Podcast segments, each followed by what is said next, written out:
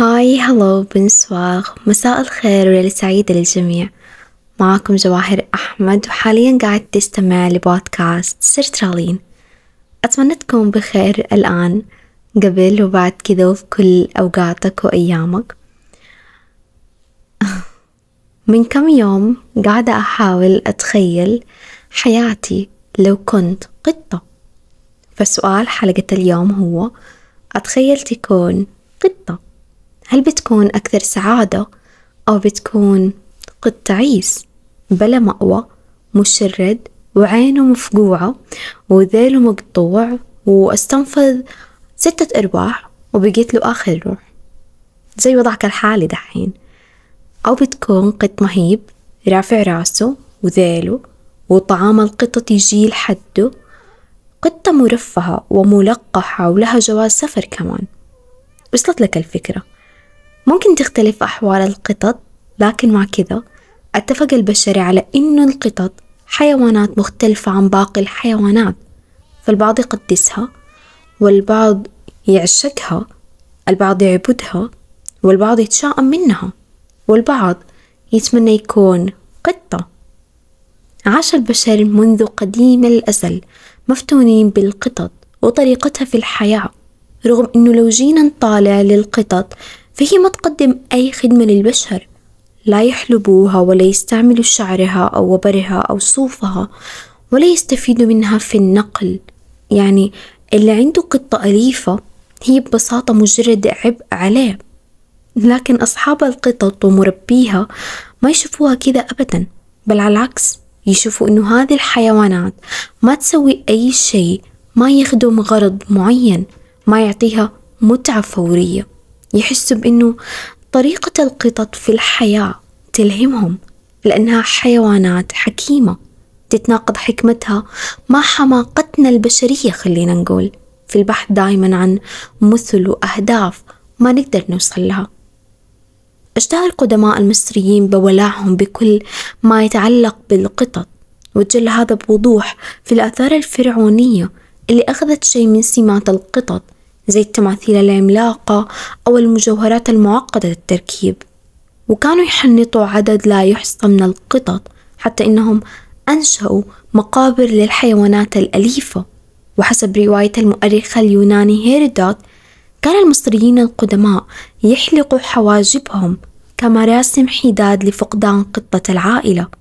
ويعلل المؤرخين هذا الاحترام الشديد باعتقاد المصريين القدماء بأنه آلهتهم وحكامهم يمتلكوا صفات تشبه القط. قيل إنه أهمية القطط تعود لاعتقاد كانوا يؤمنوا فيه المصريين القدماء بازدواجية المزاج عند القط. فمن ناحية ممكن تكون الحارس الأمين والمخلص لكن من ناحية ثانية ممكن تكون مشاكسة ومستقلة وشرسة. وأعطى هذا الاعتقاد صفة سامية للقطط اللي باتت محل كل اهتمام واحترام مما استدعى بالنتيجة بناء تماثيل لها زي تمثال أبو الهول. كان هذا الحب والاحترام والتقدير للقطط كبير لدرجة إنه لما اشتعلت النيران في منزل أحد المصريين بمرة كان سكانه قلقين بشأن قططهم بدلا من ممتلكاتهم. وبعيدا عن حقيقة إذا كان هذا الخوف طبيعي أو مبالغ فيه وحقيقة إنه القطط ما سبق وعرفت الموت وإنه لها سبعة أرواح زي ما نقول وما تموت بسهولة إلا إنها ما تخاف من الموت أساسا أو على الأقل ما تسمح لنفسها تخاف من الموت. أتذكر بمرة دخلت قطة لبيتنا وبعد معركة عنيفة في محاولة إخراجها قررت إنها ترمي نفسها من السطح وتنتحر لكنها بمجرد ما رمت نفسها للأرض طاحت على رجولها وكملت طريقها كأنه ما صار شيء ولا حتى أخذت لحظة تتنفس فيها وتستوعب إنها طاحت من الدور الثالث. فهي ببساطة ما تخاف من الموت أو النهاية. النهاية حتى لو ما كانت موت بل تخلي مالكها عنها فرضا. عكس الكلاب اللي لطالما سمعنا قصص عنها كيف إنها تتعلق بأصحابها وتكون وفية لهم وتستمر في العودة إليهم. فالقطط نقدر نقول ناكرة للعشرة أو بعبارة ثانية تعيش في الحاضر تستسلم له بهدوء دافي إذا انتهى قبلت ورحلت بهدوء. عشان كذا مو من الصدفة أبدا إنك تلاقي إنه عبادة القطط بدأت في وقت جدا مبكر. من المعروف إنه في القرن الرابع قبل الميلاد كان في معبد للقطط في مدينة هيرامبلس الأثرية في مصر. وعثر على العديد من مومياءات ومومياوات القطط المحنطة في مقابرها. لحظة. مومياوات. مومياءات. Anyways كانت القطط معروفة في مصر القديمة باسم ماو كان لها مكانة مهمة في المجتمع المصري القديم. وكان في العديد من الآلهة المصرية على شكل قطط. كانت تحنط القطط تماما كالموتى من البشر وكان قتل القطة خارج مكان العبادة من غير الكهنة. جريمة يعاقب عليها القانون حتى لو كان هذا القتل خاطئ. قريت قبل كذا عن قصة رجل روماني قتل قطة في مصر بالخطأ فانقضى عليه الناس وقتلوه على الرغم من أنه الملك شخصيا اتدخل في محاولة إنقاذه. خوفا من احتمالية انهيار العلاقات الدبلوماسية مع روما والدخول في حرب معاها. لكن الناس كان آخر همهم الملك والحرب وروما. في الميثولوجيا الإسكندنافية والنوردية ارتبطت القطة بآلهة الحب وفي الديانات اللي تؤمن بعقيدة تناسخ الأرواح زي البوذية واعتبرت القطة مسكن للأرواح المقدسة اللي تختارها عشان تسكن فيها. وتوصلها للجنة بعد وفاتها. إذا كنت من متابعي فريندز فأكيد تتذكر وقت اقتنعت فيبي إن القطة السوداء هي أمها. وفي العصور الأوروبية القديمة عبدت القطة كآلهة في إيرلندا وكانت قبائل الفايكنج تعتبر القطط أكثر الحيوانات حنان وألفة حتى ما كان يقتنيها إلا الملوك والأمراء. وفي الصين اعتبرت القطة آلهة الخصوبة. تقدم لها القرابين في نهاية كل موسم حصاد. وفي الهند اعتبرت آلهة الأمومة في اليابان كانت غالية الثمن وما كان إلا النبلاء قادرين على اقتنائها في روما اعتبروها رمز للحرية وحارس روحي للمنزل واستخدمت كحراس للمعابد لحراسة المخطوطات الثمينة من الديدان والقوارض. وإحنا كمسلمين متعارف بيننا إنه مو بس القطط حتى لكن كل الحيوانات إنه نعاملها بلطف واهتمام. لكن خصت القطة لأنها ذكرت في الأحاديث النبوية عن امرأة حبست قطة فماتت القطة فكان مصير المرء النار. ذكر في أحاديث نبوية أخرى أن القطط طاهرة غير نجسة وأنها من الطوافين والطوافات في البيوت وأن الرسول الكريم كان يتوضأ من الماء اللي شربت منه القطة واعتبره طاهر. لكن السؤال هو إيش اللي كان مميز القط دائما من بين كل الحيوانات وفي كل الثقافات؟ اتفقوا إنه القط مميز. ليش مو العصفور أو الصرصور أو الكلب أو الضفدع أو الحصان أو الجمل أو الفيل أو الزرافة؟ لو فكرت فيها بطريقة مختلفة فمو إحنا اللي قدرنا القط وروضناه وأخضعناه وميزناه. بل في الواقع وعلى عكس ما يعتقد عادة القطط هي اللي سيطرت علينا هي اللي روضتنا لأنها بفضل تواصلها معانا أتوقفت على الاعتماد على أنفسها توقفت عن الصيد كليا رغم إنهم إذا تخلى عنهم أصحابهم رح يرجعوا بسرعة لحالتهم الطبيعية المفترسة.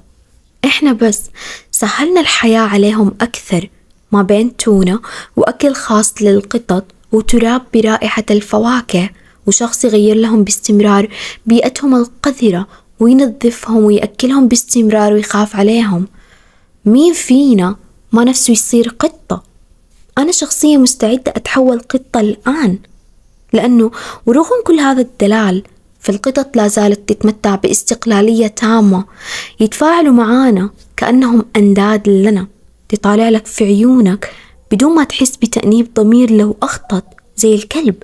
هذا الشيء كلنا حتى لو ما عندنا حيوانات أليفة لطالما شفناه في الأفلام أو في بيوت أصحابنا وقت نزورهم.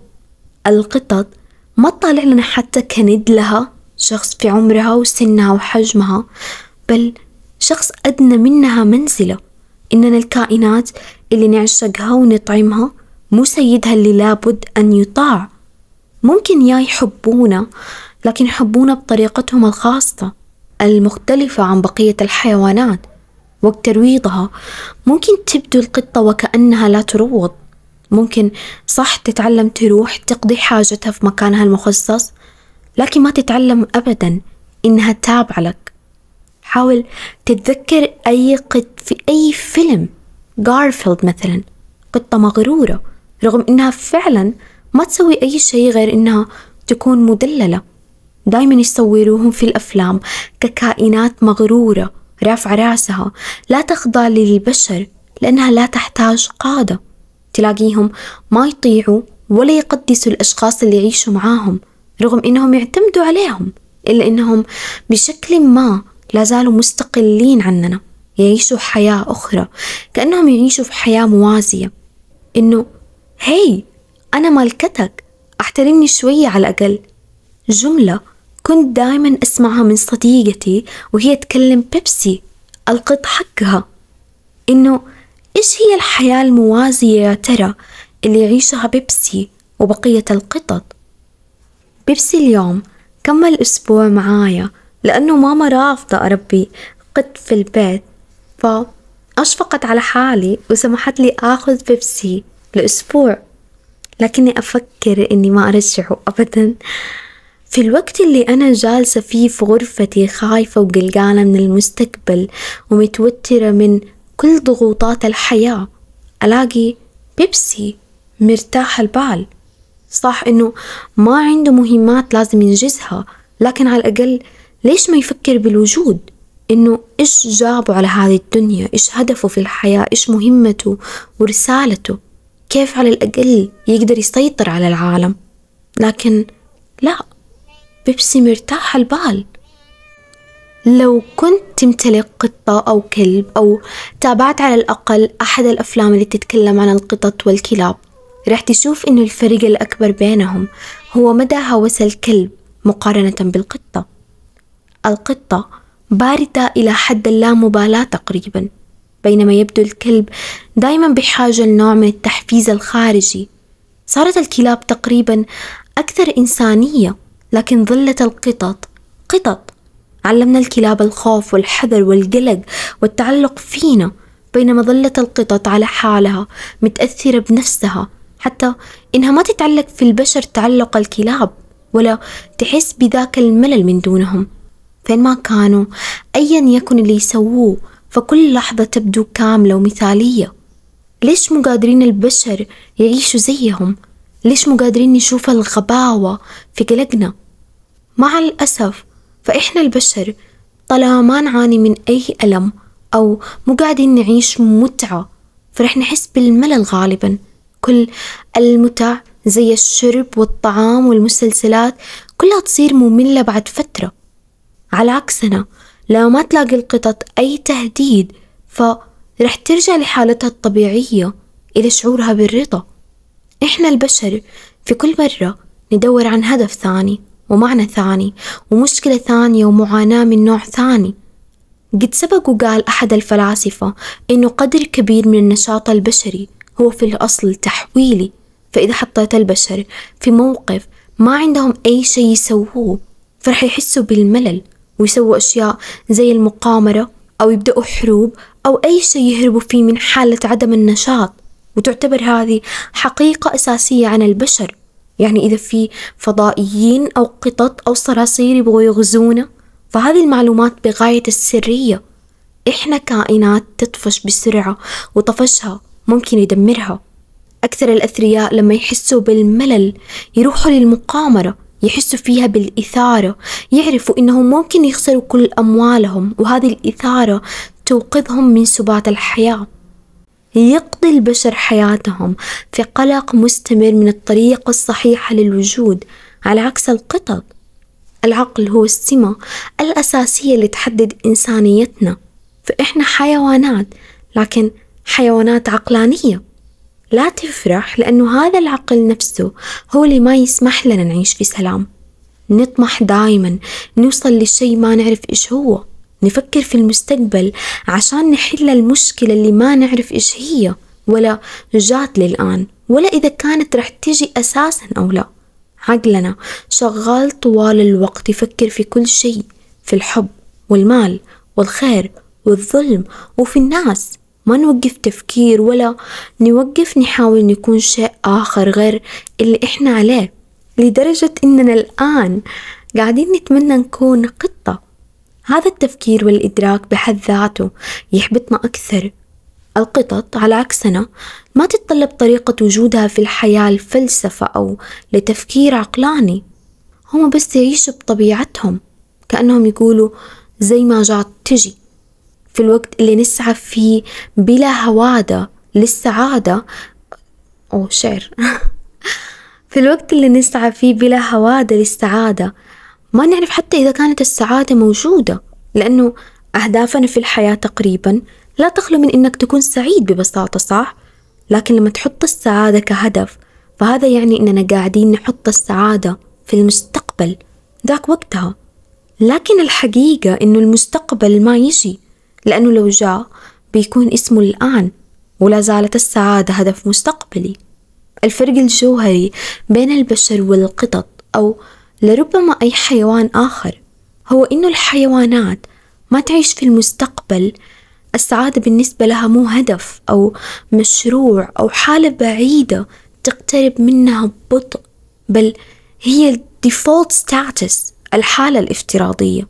يلاقوا أنفسهم عليها طالما ما يتعرضوا لأي خطر أو تهديد. وهذا الكلام جدا مهم وهو تقريبا ملخص كل هذه الحلقة. إذا حددت السعادة كهدف أو مشروع فأنت الآن قاعد تحطها خارج نطاق وضعك الحالي. تحطها في مستقبل افتراضي ممكن تحققه أو ما تحققه. هذا يعني إنك الآن ساخط. ترفض حالتك الحالية لصالح الحالة اللي تخيلتها أو تمنيتها. ورح تظل كذا لأن أوريدي برمجت نفسك إنه السعادة مستقبلية مو الآن. بدون ما تستوعب إنك قاعد تعيش المستقبل اللي كنت مأجل السعادة له قبل فترة. هل يا ترى يفكر بيبسي بهذه الطريقة؟ أم إنه الآن قاعد يضحك علي إني مكبر الموضوع وهو بسيط للدرجة اللي هو قادر يستوعبها ويعيش وفقا لها؟ على عكسنا تعيش القطط في سلام طالما ما في أي مشكلة من حولها ما تدور هي عن مشكلة. كل اللي تحاوله هي إنها تدور عن الرفاهية في الوقت الحاضر. إذا قدرت يوم تلاقي طريقة تكلم فيها قطتك أو حيوانك الأليف فأظن إنه أول شي رح تقوله لك غالبا بعد أبغى تونة هو إيش هذا الغباء اللي عايشين فيه؟ إيش هذه العبثية؟ العبثية هذه هي اللي نسميها قاعد أفكر. مو قادرين نرتاح ألين نلاقي معنى للحياة يتجاوز وجودنا وعبادتنا لله. إنه صح إحنا خلقنا لأجل إنه نعبد الله بس إيش غير كذا؟ أكيد في معنى أسمى شيء خاص فينا. إنه أنا جواهر إيش هي الرسالة اللي خلقت لأجل إني أأديها؟ In short بينما يقضي البشر حياتهم في محاولة لفهم الوجود تعيش القطط بحرية وسرور. ما تهمها الرسالة بل يهمها الحاضر. ما يهمها المستقبل يهمها الآن. ما يهمها الماضي بل يهمها إنها تجاوزته. ولعل هذا أكثر من كافي بالنسبة لها. البشر اللي يعيشوا بهذه الطريقة مع الأسف ينظر لهم باحتقار واستصغار إنه إيش هذا الغباء واللامبالاة اللي أنت عايش فيها. هذه الحالة من اللامبالاة والسعادة اللي نختار نعيشها واللي هي ال default status عند الحيوانات حالتهم الافتراضية. تبدو للبعض لا مبالاة وتبدو للبعض الآخر غباء وسذاجة وتبدو للآخرين طيبة وتختلف وتكثر المسميات من وجهة نظر أشخاص آخرين. لكن الحقيقة تظل وحدة إنه أنا مبسوط أنا سعيد ومرتاح البال. أنا أخيرا استفدت شيء من القطط وتعلمت شيء منها. هل سبق وشفت القطط تعيش زي السناجب مثلا اللي تجمع أكلها وتخزنه للشتاء؟ أبدا. القطط ما تفكر تشيل هم بكرة. إذا عاشت بهذه الطريقة فرح تبدو للقطط الأخرى ك The Evil Cranky Village Witch ساحرة القرية الشريرة الغريبة الأطوار. لأنه كون القطة تفكر ببكرة وتشيل هم بكرة هو كتشبيهها بقلق البشر الدائم تجاه الحياة والمستقبل إهانة لها إنها تشبهنا.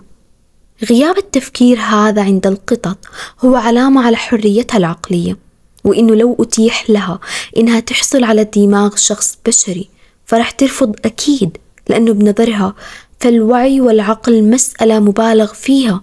لأنه لما تصير واعي وعاقل فهذا ما رح يقدم لك شيء غير إنه يعيقك عن الحياة وإنت تحاول تفهم وتستوعب وتحلل إذا كانت الحياة فعلا تستحق إنك تعيشها. القطط ما تحتاج تفهم هي متأكدة إن الحياة تستحق إنها تعيشها. وعينا وعقلنا ومنطقنا هو اللي قاعد يولد ويحرض هذا التفكير في الوجود والمعنى لدرجة صار صعب إنه أي شيء يخفف من حدته. إحنا كبشر ضعفاء لأننا مو قادرين إلا إننا نخطط ونصاب بخيبة أمل لما ما تتحقق هذه الخطط. لكن القطط ما تحتاج تكون صورة مشوهة عن نفسها أو عن المستقبل أو تقلق من وجودها ورسالتها في الحياة. لما نقعد نقول طول الوقت إننا نبغى نكون سعداء وأمنيتنا نكون سعداء وحلمنا نكون سعداء وهدف كل أعمالنا في النهاية عشان نسعد. فكل اللي نعنيه هو إننا مو سعداء لأننا قاعدين نسعى لشيء ينقصنا لشيء ما نملكه الآن. والسعادة دائما في المستقبل في الأفق. ننتظر إنها تصير في مرحلة ما. هذه السعادة اللي هي حالة اصطناعية نحاول نصطنعها إحنا البشر. هي الحالة الطبيعية عند القطط. القطط ما تحس بالملل أبدا. إذا ما لقيوا محفزات من حولهم راح يلتهوا بأنفسهم أو ينظروا حولهم أو يناموا ببساطة. تسعد القطط دائما بكونها اللي هي عليه كونها نفسها. بينما يتعذب البشر باستمرار في محاولة العثور على السعادة والهروب من غرائزهم اللي لازم يكبحوها وينكروها ويكرهوها. عشان كذا يمكن نحب القطط لأنهم مختلفين عننا تماما زي حبنا للأطفال ذاك الحب الفطري حتى الطفل غريب صادفته على كراسي الانتظار. تحب اختلافه الصادق عنك مو محاولة منه إنه يكونك. إنه يقلدك أو يحترمك أو يحتاجك. هو مجرد طفل يتصرف بفطرته وبصدق رغم إننا نعتقد إننا نعيش الحياة. لكن الأطفال والقطط لربما هم اللي يعيشوا فعلا بلا هموم ولا تفكير في المستقبل بلا لف ولا دوران بكل شفافية وصدق. ما أعرف إذا لي الآن تم اختراع جهاز يخلينا قادرين نتكلم مع الحيوانات لأنه التكنولوجيا قاعدة تتطور بشكل فظيع لكن لو حصل ووجد هذا الجهاز وقدرت تتكلم مع قطتك فأظن إنه نصيحتها راح تكون لك هي عيش اللحظة. لا تغرق في بحر من التشاؤم والقلق بكل الأشياء اللي يمكن ما راح تصير. الحياة مو قصة وإنت ما تتحكم في هذه القصة وبهذه الحياة لكنك تتحكم في كيفية تعاملك وتلقيك وردود أفعالك لهذه الحياة. الحياة نعمة. عيشها تماما كالأطفال والقطط. مو شرط تحب كل البشر فيها وتحب كل الكون. حاول تعيش بلا مبالاة أكثر تجاه أخطائهم. حاول تتغافل تتصرف كأنه ما شفت لأنه اللامبالاة والتغافل هي فضيلة. رح تعيشك بهدوء تغافلك عن اللي حولك يخليك ودود معاهم أكثر وتحببهم فيك أكثر. تماما كالقطة بين فترة وفترة أبحث عن المتعة لأجل المتعة. نام. إذا كنت تبغى تنام أتنزه لأجل التنزه. مو شرط إنك تبحث عن المنفعة في كل شيء تسويه. يمكن البحث عن المنفعة في كل شيء هو بداية إنك تكون إنسان عقلاني غير سعيد. فلا تكون ذاك الشخص العقلاني طول الوقت. كون قطة من فترة للتانية وقف تفكر في نوايا الناس. القطط ما تفكر إيش هي نيتك لما تغير نوعية أكلها أو لما تشتريها ما تقولك إنه لا أنا لا أقدر بثمن وإنه إيش قصدك هي بس تبغى تعيش مهتمة بنفسها ونوعا ما أنانية فكون أناني عيش لأجلك أخدم نفسك لاقي وقت لنفسك ودلل نفسك. عذر ما عندي وقت مو بيننا. لأننا نعرف إننا نقدر ندير الوقت بالطريقة اللي نبغاها ونولي أهمية للشيء اللي إحنا نختاره. إذا كان رح نتعلم من القطط شيء فهو لا تعيش في مستقبل متخيل طوال الوقت. وقف تطارد السعادة لأنك ما رح تلاقيها أبدا. عيش يومك وبس. هذا الشيء اللي تملكه. لا تحاول تقنع أي إنسان إنه يكون عاقل وإنه يتفهمك وإنه ما يسيء الظن فيك. لأنه كل شخص يعتقد إنه معه حق وإنه الثاني هو المخطئ ورح يسيء الكل الظن في النهاية لأنهم هم يبغوا يسيئوا الظن. رح يتكلموا عنك لأنهم يبغوا يتكلموا عنك. رح يفكروا فيك بالطريقة اللي يبغوا يفكروا فيها وإنت مالك أي سيطرة عليهم. عيش بهدوء بدون ما تغضب من فظاظة الآخرين أو طريقة تفكيرهم عنك أو مشاعرهم تجاهك. لا تحاول أبدا تغير نظرة شخص لك لأنه مو شرط كل البشر يحبوك ويستلطفوك ويمسحوا عليك ويطبطبوا عليك ويداروا مشاعرك. في النهاية أنت مو قطتهم الأليفة. أحيانا حتى ما في أي سبب ولا معنى لتصرفاتهم معاك ورح تتعب إذا أفنيت حياتك تدور إنه ليش أتصرف معايا كذا؟ وليش قلي كذا؟ ما في سبب ولا في أي معنى.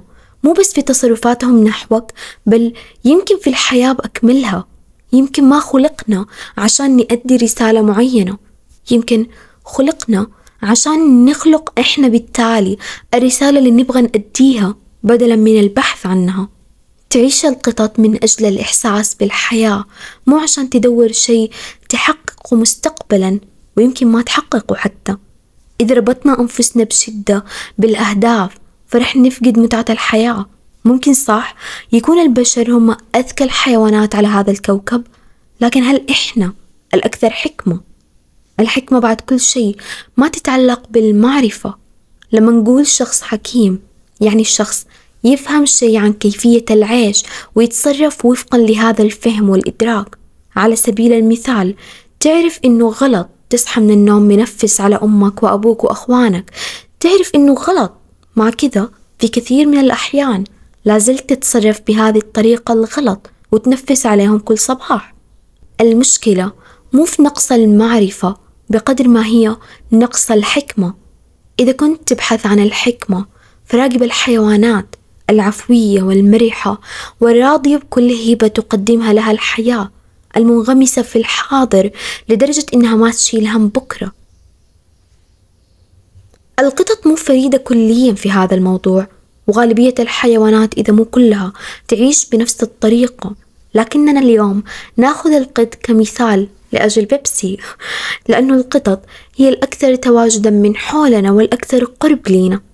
إحنا البشر ورغم إنه نعرف الكثير من الأشياء لدرجة إنها صارت تبدو كبديهيات إلا إننا لازلنا نتمسك بعاداتنا. وآرائنا ورغباتنا الخاصة لها دائما الأولوية نتمسك بتنفيس الصبح وبالندم وتأنيب ولوم الآخرين على حياتنا الآن. نتمسك بالقلق والخوف من بكرة رغم إنه ندري إنه بكرة ممكن يصير أو ما يصير. ممكن يجي بالصورة اللي تخيلناها وممكن ما يجي أساسا. ممكن نموت اليوم. مع كذا نرتجف من الخوف بمجرد التفكير في بكرة. ونبدأ نحسب تحركاتنا ونلاحظ كل التجارب اللي مرينا فيها ندقق ونتفحص ونفتش عن التعاسة لأنها ولا بد راح تكون الحكمة هناك. بعدها راح يتحل كل شيء ويتغير كل شيء وتتغير الحياة. خايفين من فكرة إنه كل اللي مرينا فيه ممكن ببساطة يكون من دون معنى. نقرأ ونبحث ونسمع لعشرات البودكاست ونقرأ كتب ونستمع لقصص وتجارب الكثيرين لأنه بطريقة ما نحس إنه هذا يساعدنا في إزالة بعض الضغط من فكرة إن كل شيء صار معانا كان بدون معنى وكل مأساة مرينا فيها ما كان لها أي معنى. لكن لما نسمع قصة شخص ثاني ونسمع التفاصيل الصغيرة المأساوية والتحولات في نهاية قصته نقدر نحط إحنا بالتالي معنى المآسينا. معظم عذاباتنا تجي من هذا الضغط عشان نلاقي معنى لكل شيء يحصل. فلازم نتبنى نوع من الرضا والقبول والتسامح مع فكرة إنه ما كان لشيء معنى. المعنى اللي أقصده هو إنه مصايبنا وآلامنا وفشلنا مو شرط كلها تكون ما قبل النجاح مباشرة. نلاقينا ننتظر بعد كل مصيبة. ذاك الفرج السحري والانقلاب في حياتنا نقطة التحول السحرية. وما نلاقيها. تجينا فكرة إنه طيب إيش الهدف من اللي صار معايا؟ إيش الدرس اللي من المفترض أكون اتعلمته وإيش الجزاء لصبري وفين عوضي؟ عوضك على الله. نتخيل إنه في وقت رح نعيش في عالم آمن من المصايب والآلام والحوادث لأننا قاعدين اوريدي نعيشها الآن. نحضر لذاك المستقبل الكامل اللي لطالما سمعنا عنه في قصص وعاشوا في سعادة وسلام. مو قادرين نكون قطط ولا نعيش بحرية زي القطط ولا في تقشف زي حياة القطط. لأنه ورانا التزامات لازم نفكر فيها ومستقبل لازم نخطط له وحياة كاملة لازم نعرف كيف نعيشها لأننا نبغى نعمل كأننا نعيش أبدا. ما في شيء أبدي ما في عالم كامل ومثالي ما في عالم بدون ألم ومرض وحوادث. نعاني مع فكرة إننا نعرف هذه الحقيقة كمان وعلى الأغلب رح نعاني مستقبلا كمان. ويمكن بدون أي هدف ولا معنى والأجل لا شيء. رح نعاني لنعاني ونتألم لنتألم ونعيش لنموت. نكافح مع فكرة إنه ما في معنى خفي. ممكن نلاقيه بين السطور ونصير نحسد كل كائن أيا كان على لا مبالاته بالوجود والمعنى. الأطفال الكبار في السن الطيور والقطط والصخر والحجر والبحر. كيف أكثر الأنظمة المتطورة في العالم؟ عقلنا لا زال قادر على تركنا مع قدر هائل من عدم اليقين. نصيحتي هي أرجع لعالم البشر. لا تكون قطة. أتعلم من القطة اللامبالاة والهدوء وبعض الأنانية وعيش كبشري. أستمتع. كل. أتكلم. وحب وأخرج. وأتمنى. وأشتغل. وأدخر لبكرة. وأعمل وقت إضافي أحيانا إذا حسيت إنه أمر لابد منه. لكن لا تندم على شيء. لا تكافح عشان تكون حكيم. عيش كل يوم بأكبر قدر من البساطة والهدوء والسلام. ورح تشوف إنه الحكمة أمر موجود بين السطور. أتعامل مع الحياة كهبة. أستمتع بإحساس إنك حي. لا تتذكر أمس. وكيف عانيت أمس؟ وكيف عاملوك أمس؟ ولا تخاف من بكرة وتشيل هم بكرة. وكيف ممكن يعاملوك؟ كيف ممكن يتغير كل شيء؟ كيف ممكن يكون مرعب ومخيف ويتحول كل شيء لدرجة إنه تتمنى الأرض تنشق وتبلعك؟ أهدأ على نفسك. هون عليها. عيش. أتذكر. عش ما عشت فإنك مفارق. عيش الحياة ببساطة. أتخيل نفسك بين حين لآخر لما يقسى عليك البعض وتقسى عليك الظروف وتحس بذاك الإحساس الكئيب المتشائم العقلاني في داخلك. أتخيل إنك مجرد طيف عابر جيت لهذه الحياة بس عشان تاخذ فكرة عنها. حاول تفصل نفسك عن الموقف تماما وأتذكر دايما إنه ما رح يدوم. الحياة الجيدة والمثالية مو الحياة اللي عشتها أو يمكن تعيشها لكنها الحياة اللي قاعد تعيشها الآن. يمكن تكون قطتك الأليفة هي معلمتك بهذا الخصوص لأنها ما تفكر بالحيوات اللي ما عاشتها أو رح تعيشها. إحنا كبشر نقلق ونكبر المواضيع ونشيل هم ونخاف ونستحي ونشفق على أنفسنا. لكن جنبا إلى جنب مع هذه المشاعر فإحنا قادرين نحب ونكتب ونرسم ونسبح ونجري ونلعب كرة قدم وكرة سلة وتنس ونركب الخيل ونركب الدراجات. قادرين إننا نعيش حتى بمتعة أكبر بكثير من القطط وكل الحيوانات. فليش ما نعيش بهذه المتعة فعلا؟ طالع حولك للحيوانات. عصافير كلاب قطط أتأملها. كيف إنها سعيدة ومبسوطة وراضية ومستمتعة حتى مكتفية؟ أدمج هذه الإدراكات في حياتك الخاصة. في النهاية في عشرات الطرق عشان تعيش عشرات الطرق عشان تكون إنسان. عيش وإنت مستشعر الحياة. أرجع أبحث عنها في كل شيء يخليك تحس بإنك حي فعلا. مو لأجل القصة اللي رح ترويها بكرة عن حياتك لكن عشان ما في شيء يخلينا نموت بينما أتيحت لنا فرصة الحياة. لا تاخذ أي شيء على محمل الجد لذيك الدرجة. بما في ذلك هذه الوصايا. كلم قطتك. إذا ما عندك قطة أخرج للشارع. رح تلاقيها مرحة وعفوية وحكيمة. مستمتعة وغير مبالية ورح تغار منها.